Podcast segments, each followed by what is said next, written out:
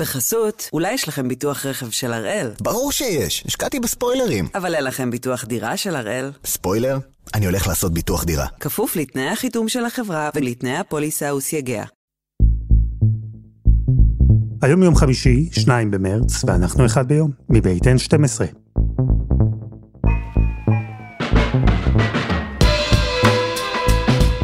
אני אלעד שמחיוף, ואנחנו כאן כדי להבין טוב יותר מה קורה סביבנו, סיפור אחד ביום, בכל יום.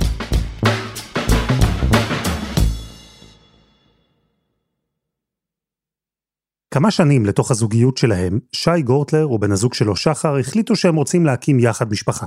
אז הם התחילו להתעניין בהליך אימוץ. כבר סביב 2012 התחלנו להיות בקשר עם השירות למען הילד כבדיקה כזאת, אם בכלל אפשרי לאמץ, מהר מאוד הבנו שזה לא אפשרי, לפחות לא בדרך הרגילה לזוג גברים, יש לנו תכתובת איתם הכי מוקדמת היא לדעתי מ-2013, שבה אנחנו מנסים לברר על אימוץ בין מדינתי, שזה משהו שהוא אפשרי בארץ לבני זוג הטרוסקסואלים ולא אפשרי לנו, זאת אומרת כתוב שחור על גבי לבן באימייל שקיבלנו, שכיום ההסכם היחיד שיש לישראל לאימוץ בין מדינתי הוא עם רוסיה, ורוסיה חד וחלק אוסרת על זוגות גברים לאמץ ממנה ולכן זה, זה לא אפשרי, אז מהר מאוד הבנו ש, שאי אפשר לאמץ לפחות לא בדרך הרגילה. התשובה, במילה, לא. כזוג גברים לא תוכלו לאמץ בישראל. שי ושחר אמנם לא התייאשו, היו גם אחרים שבמקביל ניהלו מאבקים בנושא הזה, אבל במקרה שלהם, החיים שלהם הובילו אותם לארצות הברית. נסענו לשם אה, במטרה לעשות דוקטורטים, שנינו עשינו דוקטורטים, אני במדע המדינה, תיאוריה פוליטית, בן הזוג שלי בפסיכולוגיה קלינית.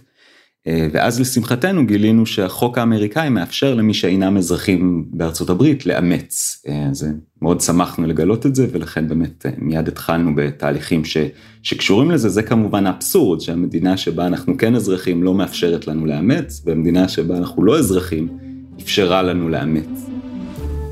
לא, לא הייתה משמעות לעובדה שאנחנו זוג גברים, אה, להפך, אפילו נדמה לי שסוכנויות האימוץ דיברו על זה כיתרון, שלפעמים אה, אה, נשים שמעוניינות למסור ילד לאימוץ דווקא שמחות על הרעיון של הילד הזה לא יהיה אימא אחרת בלטן, אה, ויש שם איזשהו יתרון, אז אה, מהבחינה הזו זה לא היה מכשול, בטח שלא מבחינת הרשויות האמריקאיות, שביטלו את, את האפליות אה, כנגד זוגות מאותו מגדר בשלב הזה כבר. במיוחד אה, ההכרה כלל ארצית של כל ה states אה, בנישואים להט"בים החל מ-2013 אה, וכן הלאה. הקשיים היו יותר תרבותיים, הזרות שלנו שימשה שם תפקיד, מן הסתם לא, לא הסתרנו את זה שגם יש סיכוי מאוד סביר ש, שנחזור עם הילד ל, לישראל וכן הלאה, אז כל זה עמד לרעתנו בצורה שמאוד מובנת לי והגיונית. למרות שהם לא אזרחים אמריקנים, למרות הסיכוי שיחזרו לישראל, למרות שהם זוג גברים, דווקא שם, בארצות הברית, אופציית האימוץ הפכה לנגישה, לריאלית, ובסוף באמת קרתה. ובאמת אנחנו מתחילים להיות בקשר עם אה, עמותה פרטית שם, ואחרי אה, משהו כמו שלוש שנות המתנה, פנתה אלינו אם מולידה שהחליטה שהיא לא רוצה לשמור את ההיריון שלה. יצרה איתנו קשר ובעצם אה, אימצנו את הבת שהיא הולידה, שהיא היום הבת שלנו, טניה. טניה גם הקשר מאוד ספציפי, היא אמריקאית ילידית, אה, Native American, מה שבישראל לרוב קוראים אינדיאנית, אז אנחנו בקשר עם השבט של טניה גם בארצות הברית, וגם עם האם המולידה, גם עם המשפחה המורחבת וגם עם השבט, זה יחסים אה, חמים וטובים שאנחנו מאוד שמחים עליהם. זה לקח זמן, שנים, בשום מקרה לא הליך מהיר, אבל בזמן שטניה הפכה רשמית לבת שלהם, בזמן שכבר חזרו איתה לארץ, היא גדלה, הם הפכו למשפחה, בכל הזמן הזה, שי ושחר המשיכו לנסות עוד, לאמץ, בישראל. מבחינתנו רצינו שלטניה יהיה אח או אחות, טניה אגב מהרגע שעמדה על דעתה, היא הייתה מאוד קולנית לגבי זה שהיא מעוניינת אה, באח או אחות, ולכן היה לנו ברור עוד לפני שטניה נהייתה קולנית, חזרנו אה, לישראל באוגוסט 2018, אה, כשטניה הייתה בת תשעה חודשים, ומיד פנינו לשירות למען הילד ונכנסנו, התחלנו להיות בקשר עם עובדת סוציאלית שם, אנחנו בתור הרשמי של השירות למען הילד מאז אוגוסט 2015. ובימים האחרונים קרו שני דברים. בפעם הראשונה נולדה בישראל תינוקת בפונדקאות לזוג גברים. פעם ראשונה. והדבר השני הוא שבכנסת נפלה הצעת חוק שמטרתה הייתה לאפשר לזוגות חד-מיניים לאמץ. העובדת הסוציאלית שאנחנו עובדים איתה בשירות למען הילד עד היום אמרה לנו שאם היינו זוג של גבר ואישה היינו מאמצים תוך שנה. אבל כאמור אנחנו ממתינים שבע וחצי שנים ואימוץ דרך השירות למען הילד לא, מעולם לא הוצע לנו. אז הפעם אנחנו עם המאבק של הזוגות החד-מיניים לאימוץ בישראל.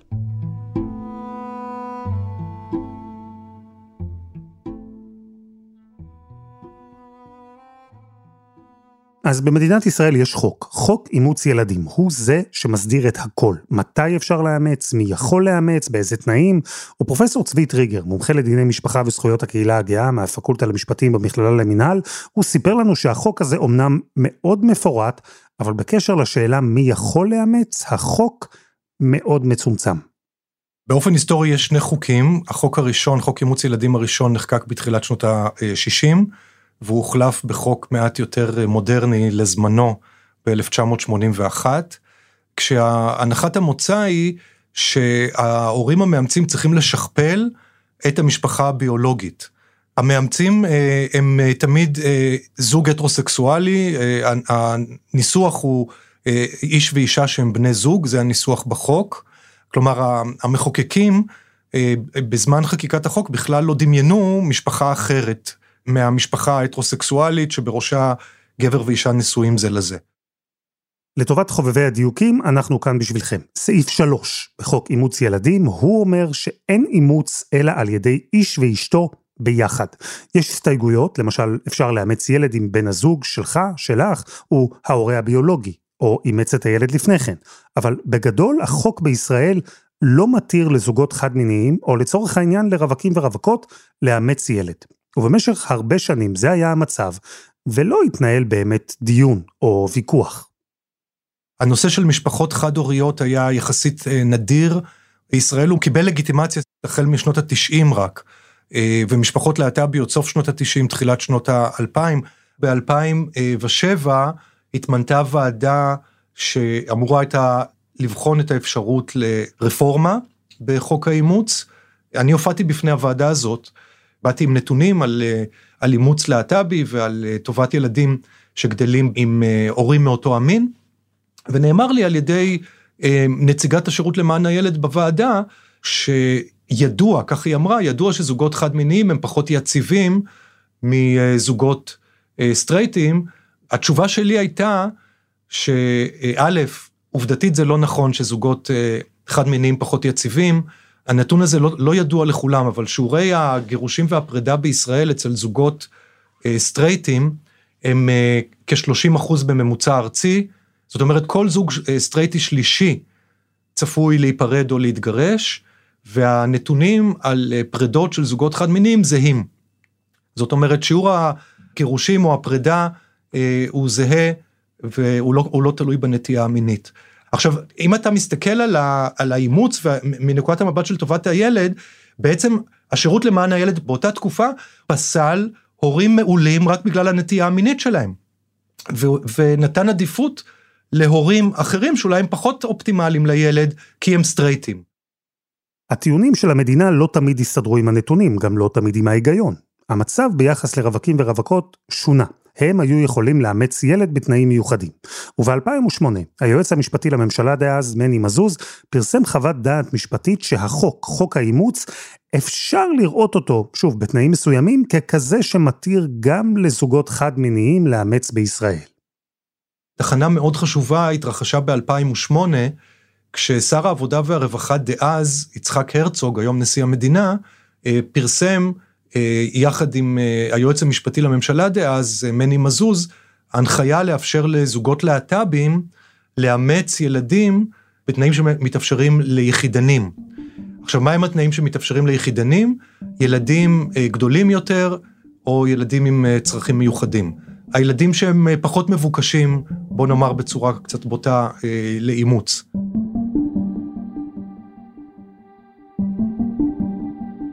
וזו לכאורה הייתה התקדמות לקראת זוגות חד-מיניים. בפעם הראשונה הכירו בזכות שלהם לאמץ, אפשרו להם בכלל ליצור קשר עם השירות למען הילד. אבל בפועל המצב שנוצר היה מאוד בעייתי. ומי שבשנת 2020 ערכה תחקיר גדול על מה שהפך בעצם לשני תורי אימוץ מקבילים, זו מיכל פעילן, כתבתנו לענייני רווחה. כן, אחרי ההוראה של אה, מני מזוז, של היועץ המשפטי לממשלה ב-2008, בעצם נוצר איזשהו נוהל פנימי בתוך משרד הרווחה ובשירות למען הילד, שכן אפשר לזוגות מאותו המין לאמץ, אבל נוצר איזשהו מצב הזוי, שבעצם כאילו כדי לשמור על לשון החוק, מה עשו? יצרו שני טורים.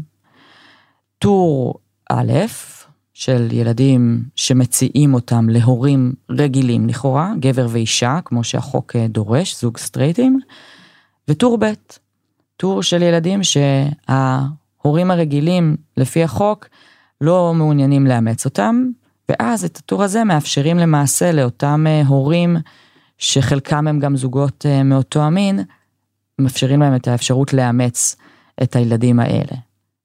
שמענו שיש איזה שהם שני תורים או משהו כזה. יש תור לתינוקות, התינוקות זה אה, משפחות אה, חשוכות ילדים. זה רק סטרייטים? כאילו, בתור גיי נכון. אני, אני לא חשוך ילדים מבחינת המדינה? מבחינת אה, הקריטריונים לא. זה יהיה ילד עם אה, אה, אה, צרכים מיוחדים, שזה אומר ילד גדול, מגיל שלוש ומעלה. ואני כגיי, כאילו, לאיזה תור אני מתאים? לצרכים המיוחדים. אז טור א' זה תינוקות, שזה הילדים שהורים רוצים לאמץ כששואלים אותם, בסדר? בלי איזשהו רקע אה, בעייתי, רקע רפואי.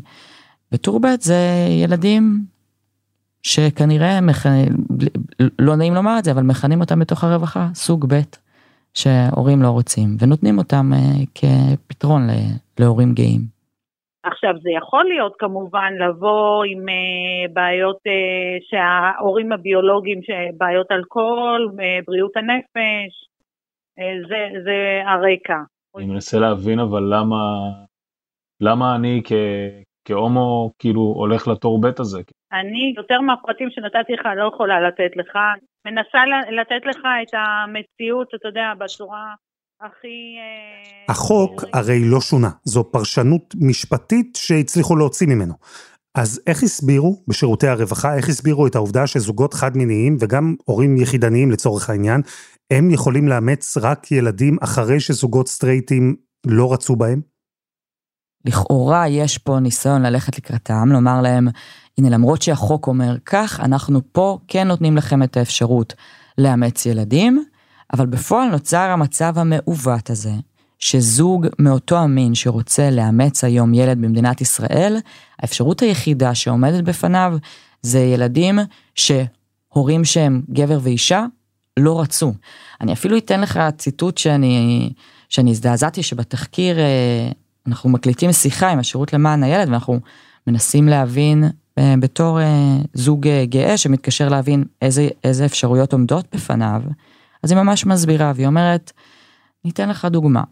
למשל, מגיע ילד ממוצא אתיופי, ואין משפחה מטור א' שמעוניינת לאמץ את הילד מהמוצא האתיופי, אז אנחנו נפנה אליכם.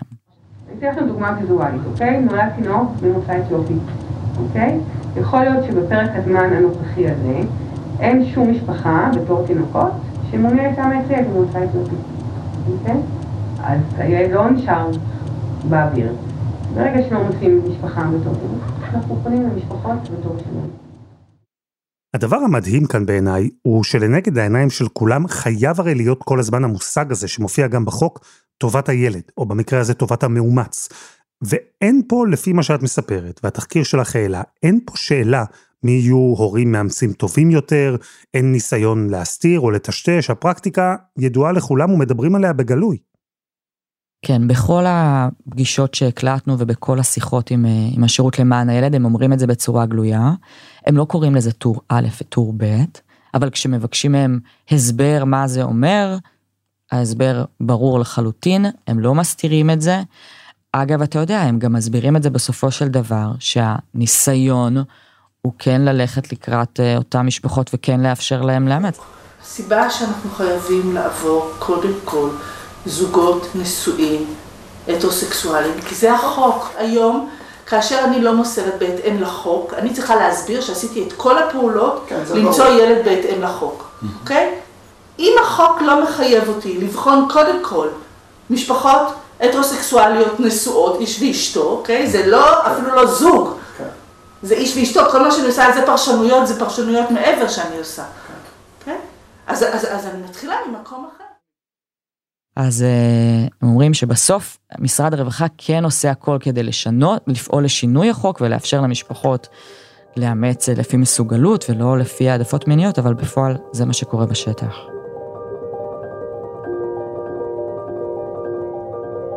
חסות אחת וממש מיד חוזרים.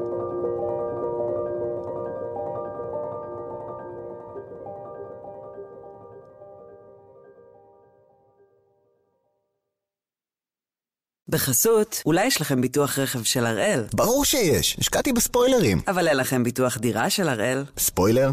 אני הולך לעשות ביטוח דירה. כפוף לתנאי החיתום של החברה ולתנאי הפוליסה וסייגיה. אנחנו מסתכלים על אימוץ בישראל, וליתר דיוק על המאבק שמנהלים זוגות חד-מיניים כדי לאמץ בישראל. זה קורה אחרי שהשבוע נפלה הצעת חוק בכנסת שביקשה לאפשר לזוגות חד-מיניים לאמץ, כמו שהתאפשר להם לאחרונה גם להביא ילד בהליך פונדקאות. אז עצרנו במקום שבו נוצרה פרקטיקה בעייתית של תורי אימוץ מקבילים, תור א' ותור ב'. בעקבותיה, המאבק התרחב. המדינה המשיכה לטעון רשמית שלגדול במשפחה חד-מינית עלול לגרום לבעיות לילד. ובמקביל היא הציעה לזוגות חד-מיניים לאמץ ילדים בני שלוש ומעלה, או ילדים עם צרכים מיוחדים. ופרופסור צבי טריגר שוב מצא את עצמו אז טוען מול המדינה. ואני אמרתי, גם אם אתם צודקים שזוגות להט"בים פחות, אה, פחות יציבים, נניח שאתם צודקים, השירות למען הילד, מדוע להעניש במרכאות ילדים עם צרכים מיוחדים ולתת אותם להורים שיש סבירות גבוהה יותר שהם ייפרדו. אולי דווקא הילדים עם הצרכים המיוחדים צריכים את הזוגות היציבים במיוחד. כלומר, התפיסה של השירות למען הילד מקוממת מאיזה כיוון שאתה לא מסתכל. גם מהכיוון של הילד שנענש פעמיים כי הוא ילד עם צרכים מיוחדים והוא מקבל הורים שהשירות למען הילד רואה אותם כהורים סוג ב', וגם מהצד של ההורים הלהט"בים שהשירות למען הילד רואה אותם כ... אה, סוג ב', אז הוא נותן להם במרכאות כפולות ומכופלות ילדים סוג ב'. זה השירות למען הילד, כן? והוא בוגד בתפקידו אה, למצוא לילדים את ההורים הכי טובים עבורם. תראו, כל השיח הזה הוא, אה, איך אני אומר, לא נעים. כל נקודת המבט הזו על ילדים שהם יותר מבוקשים לאימוץ וכאלה שפחות, היא לא נעימה לכל הצדדים. אבל זו החלוקה שהמדינה עשתה בפועל, בניסיון ללכת לקראת הקהילה הגאה והחד-הוריים, מבלי ששונה החוק, שעדיין אומר שרק זוג שמורכב מאיש ואישה יכולים לאמץ, החלוקה היא זו שיצרה את השיח הזה. ובאמת לא עבר הרבה זמן, והסוגיה הגיעה לבג"ץ. כן, העתירה לבג"ץ הוגשה אה, ב-2016 על, על בסיס הטיעון של אה, אפליה על בסיס נטייה מינית, ובקשה לפרש את המשפט איש ואישה שהם בני זוג כמשפט שחל גם על זוגות להט"בים. תגובת המדינה הייתה שאין לנו שום, אני, אני עושה פרפרזה, כן, אין לנו שום דבר נגד להט"בים אה, ושוויון זכויות, אבל אה, להיות ילד מאומץ זאת סטיגמה מספיק אה, כבדה, ואין צורך להפיל על אותם ילדים גם סטיגמה נוספת של להיות ילדים להורים חד-מיניים, לזוגות חד-מיניים. וזה יצר תרעומת רבה, ובאותו קיץ, בקיץ 2017, ממילא כבר הייתה מחאה סביב חוק הפונדקאות הישראלי שהדיר זוגות להט"בים, וממש אנשים יצאו לרחובות, גם סביב הבג"ץ, בג"ץ הפונדקאות וגם סביב הבג"ץ הזה.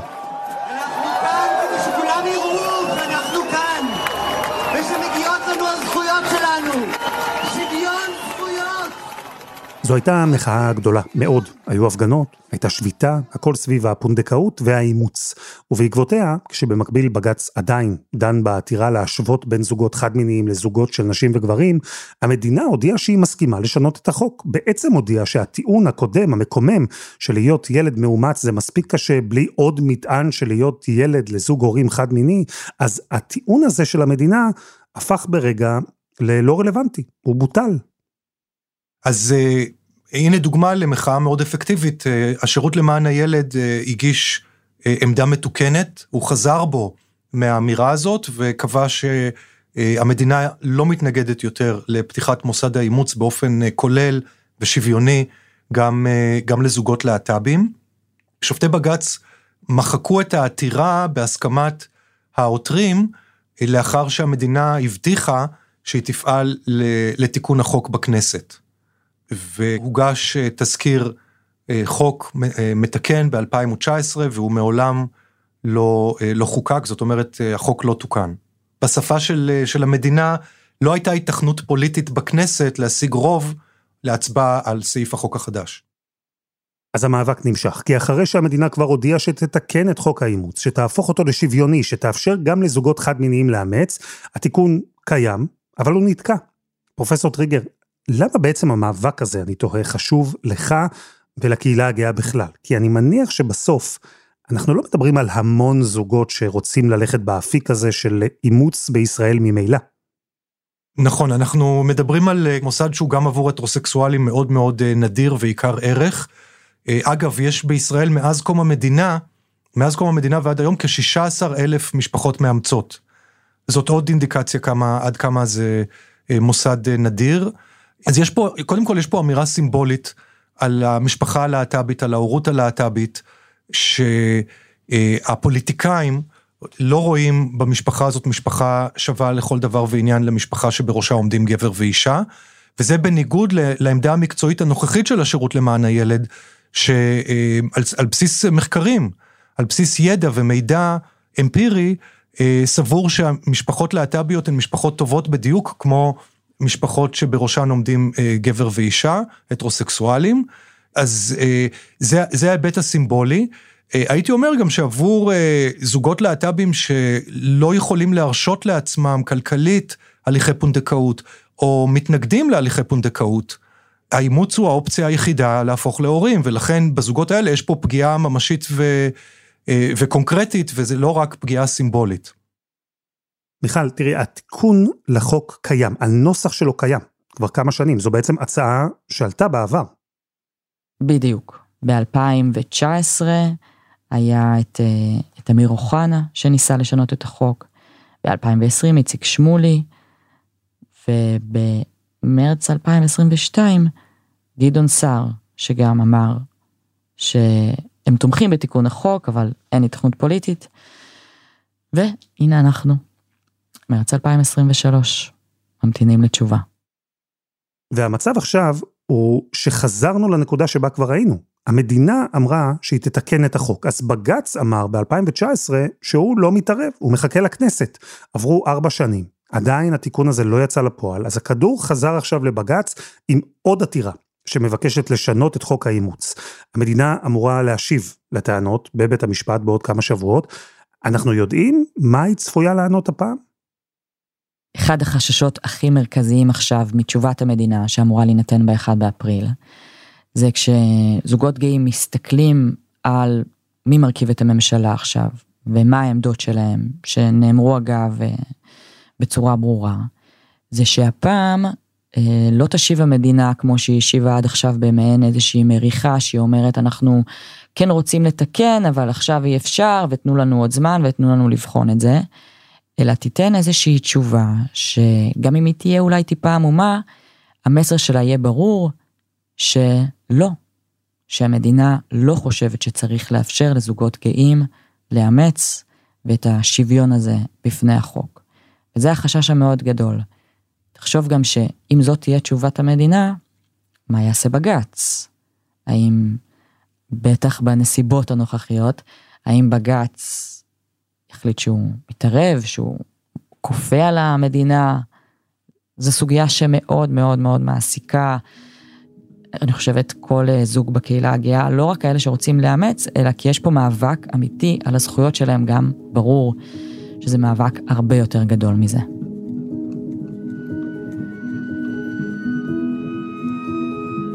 מיכל פעילן, תודה. תודה, אלעד. ותודה לשי גורטלר ולפרופסור צבי טריגר.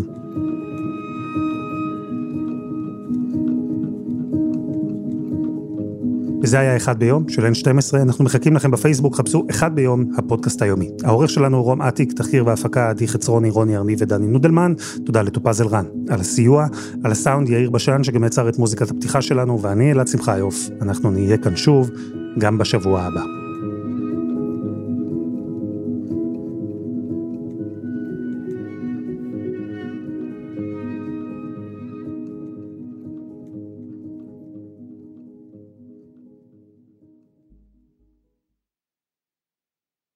בחסות, אולי יש לכם ביטוח רכב של הראל. ברור שיש, השקעתי בספוילרים. אבל אין לכם ביטוח דירה של הראל. ספוילר? אני הולך לעשות ביטוח דירה. כפוף לתנאי החיתום של החברה ולתנאי הפוליסה וסייגיה.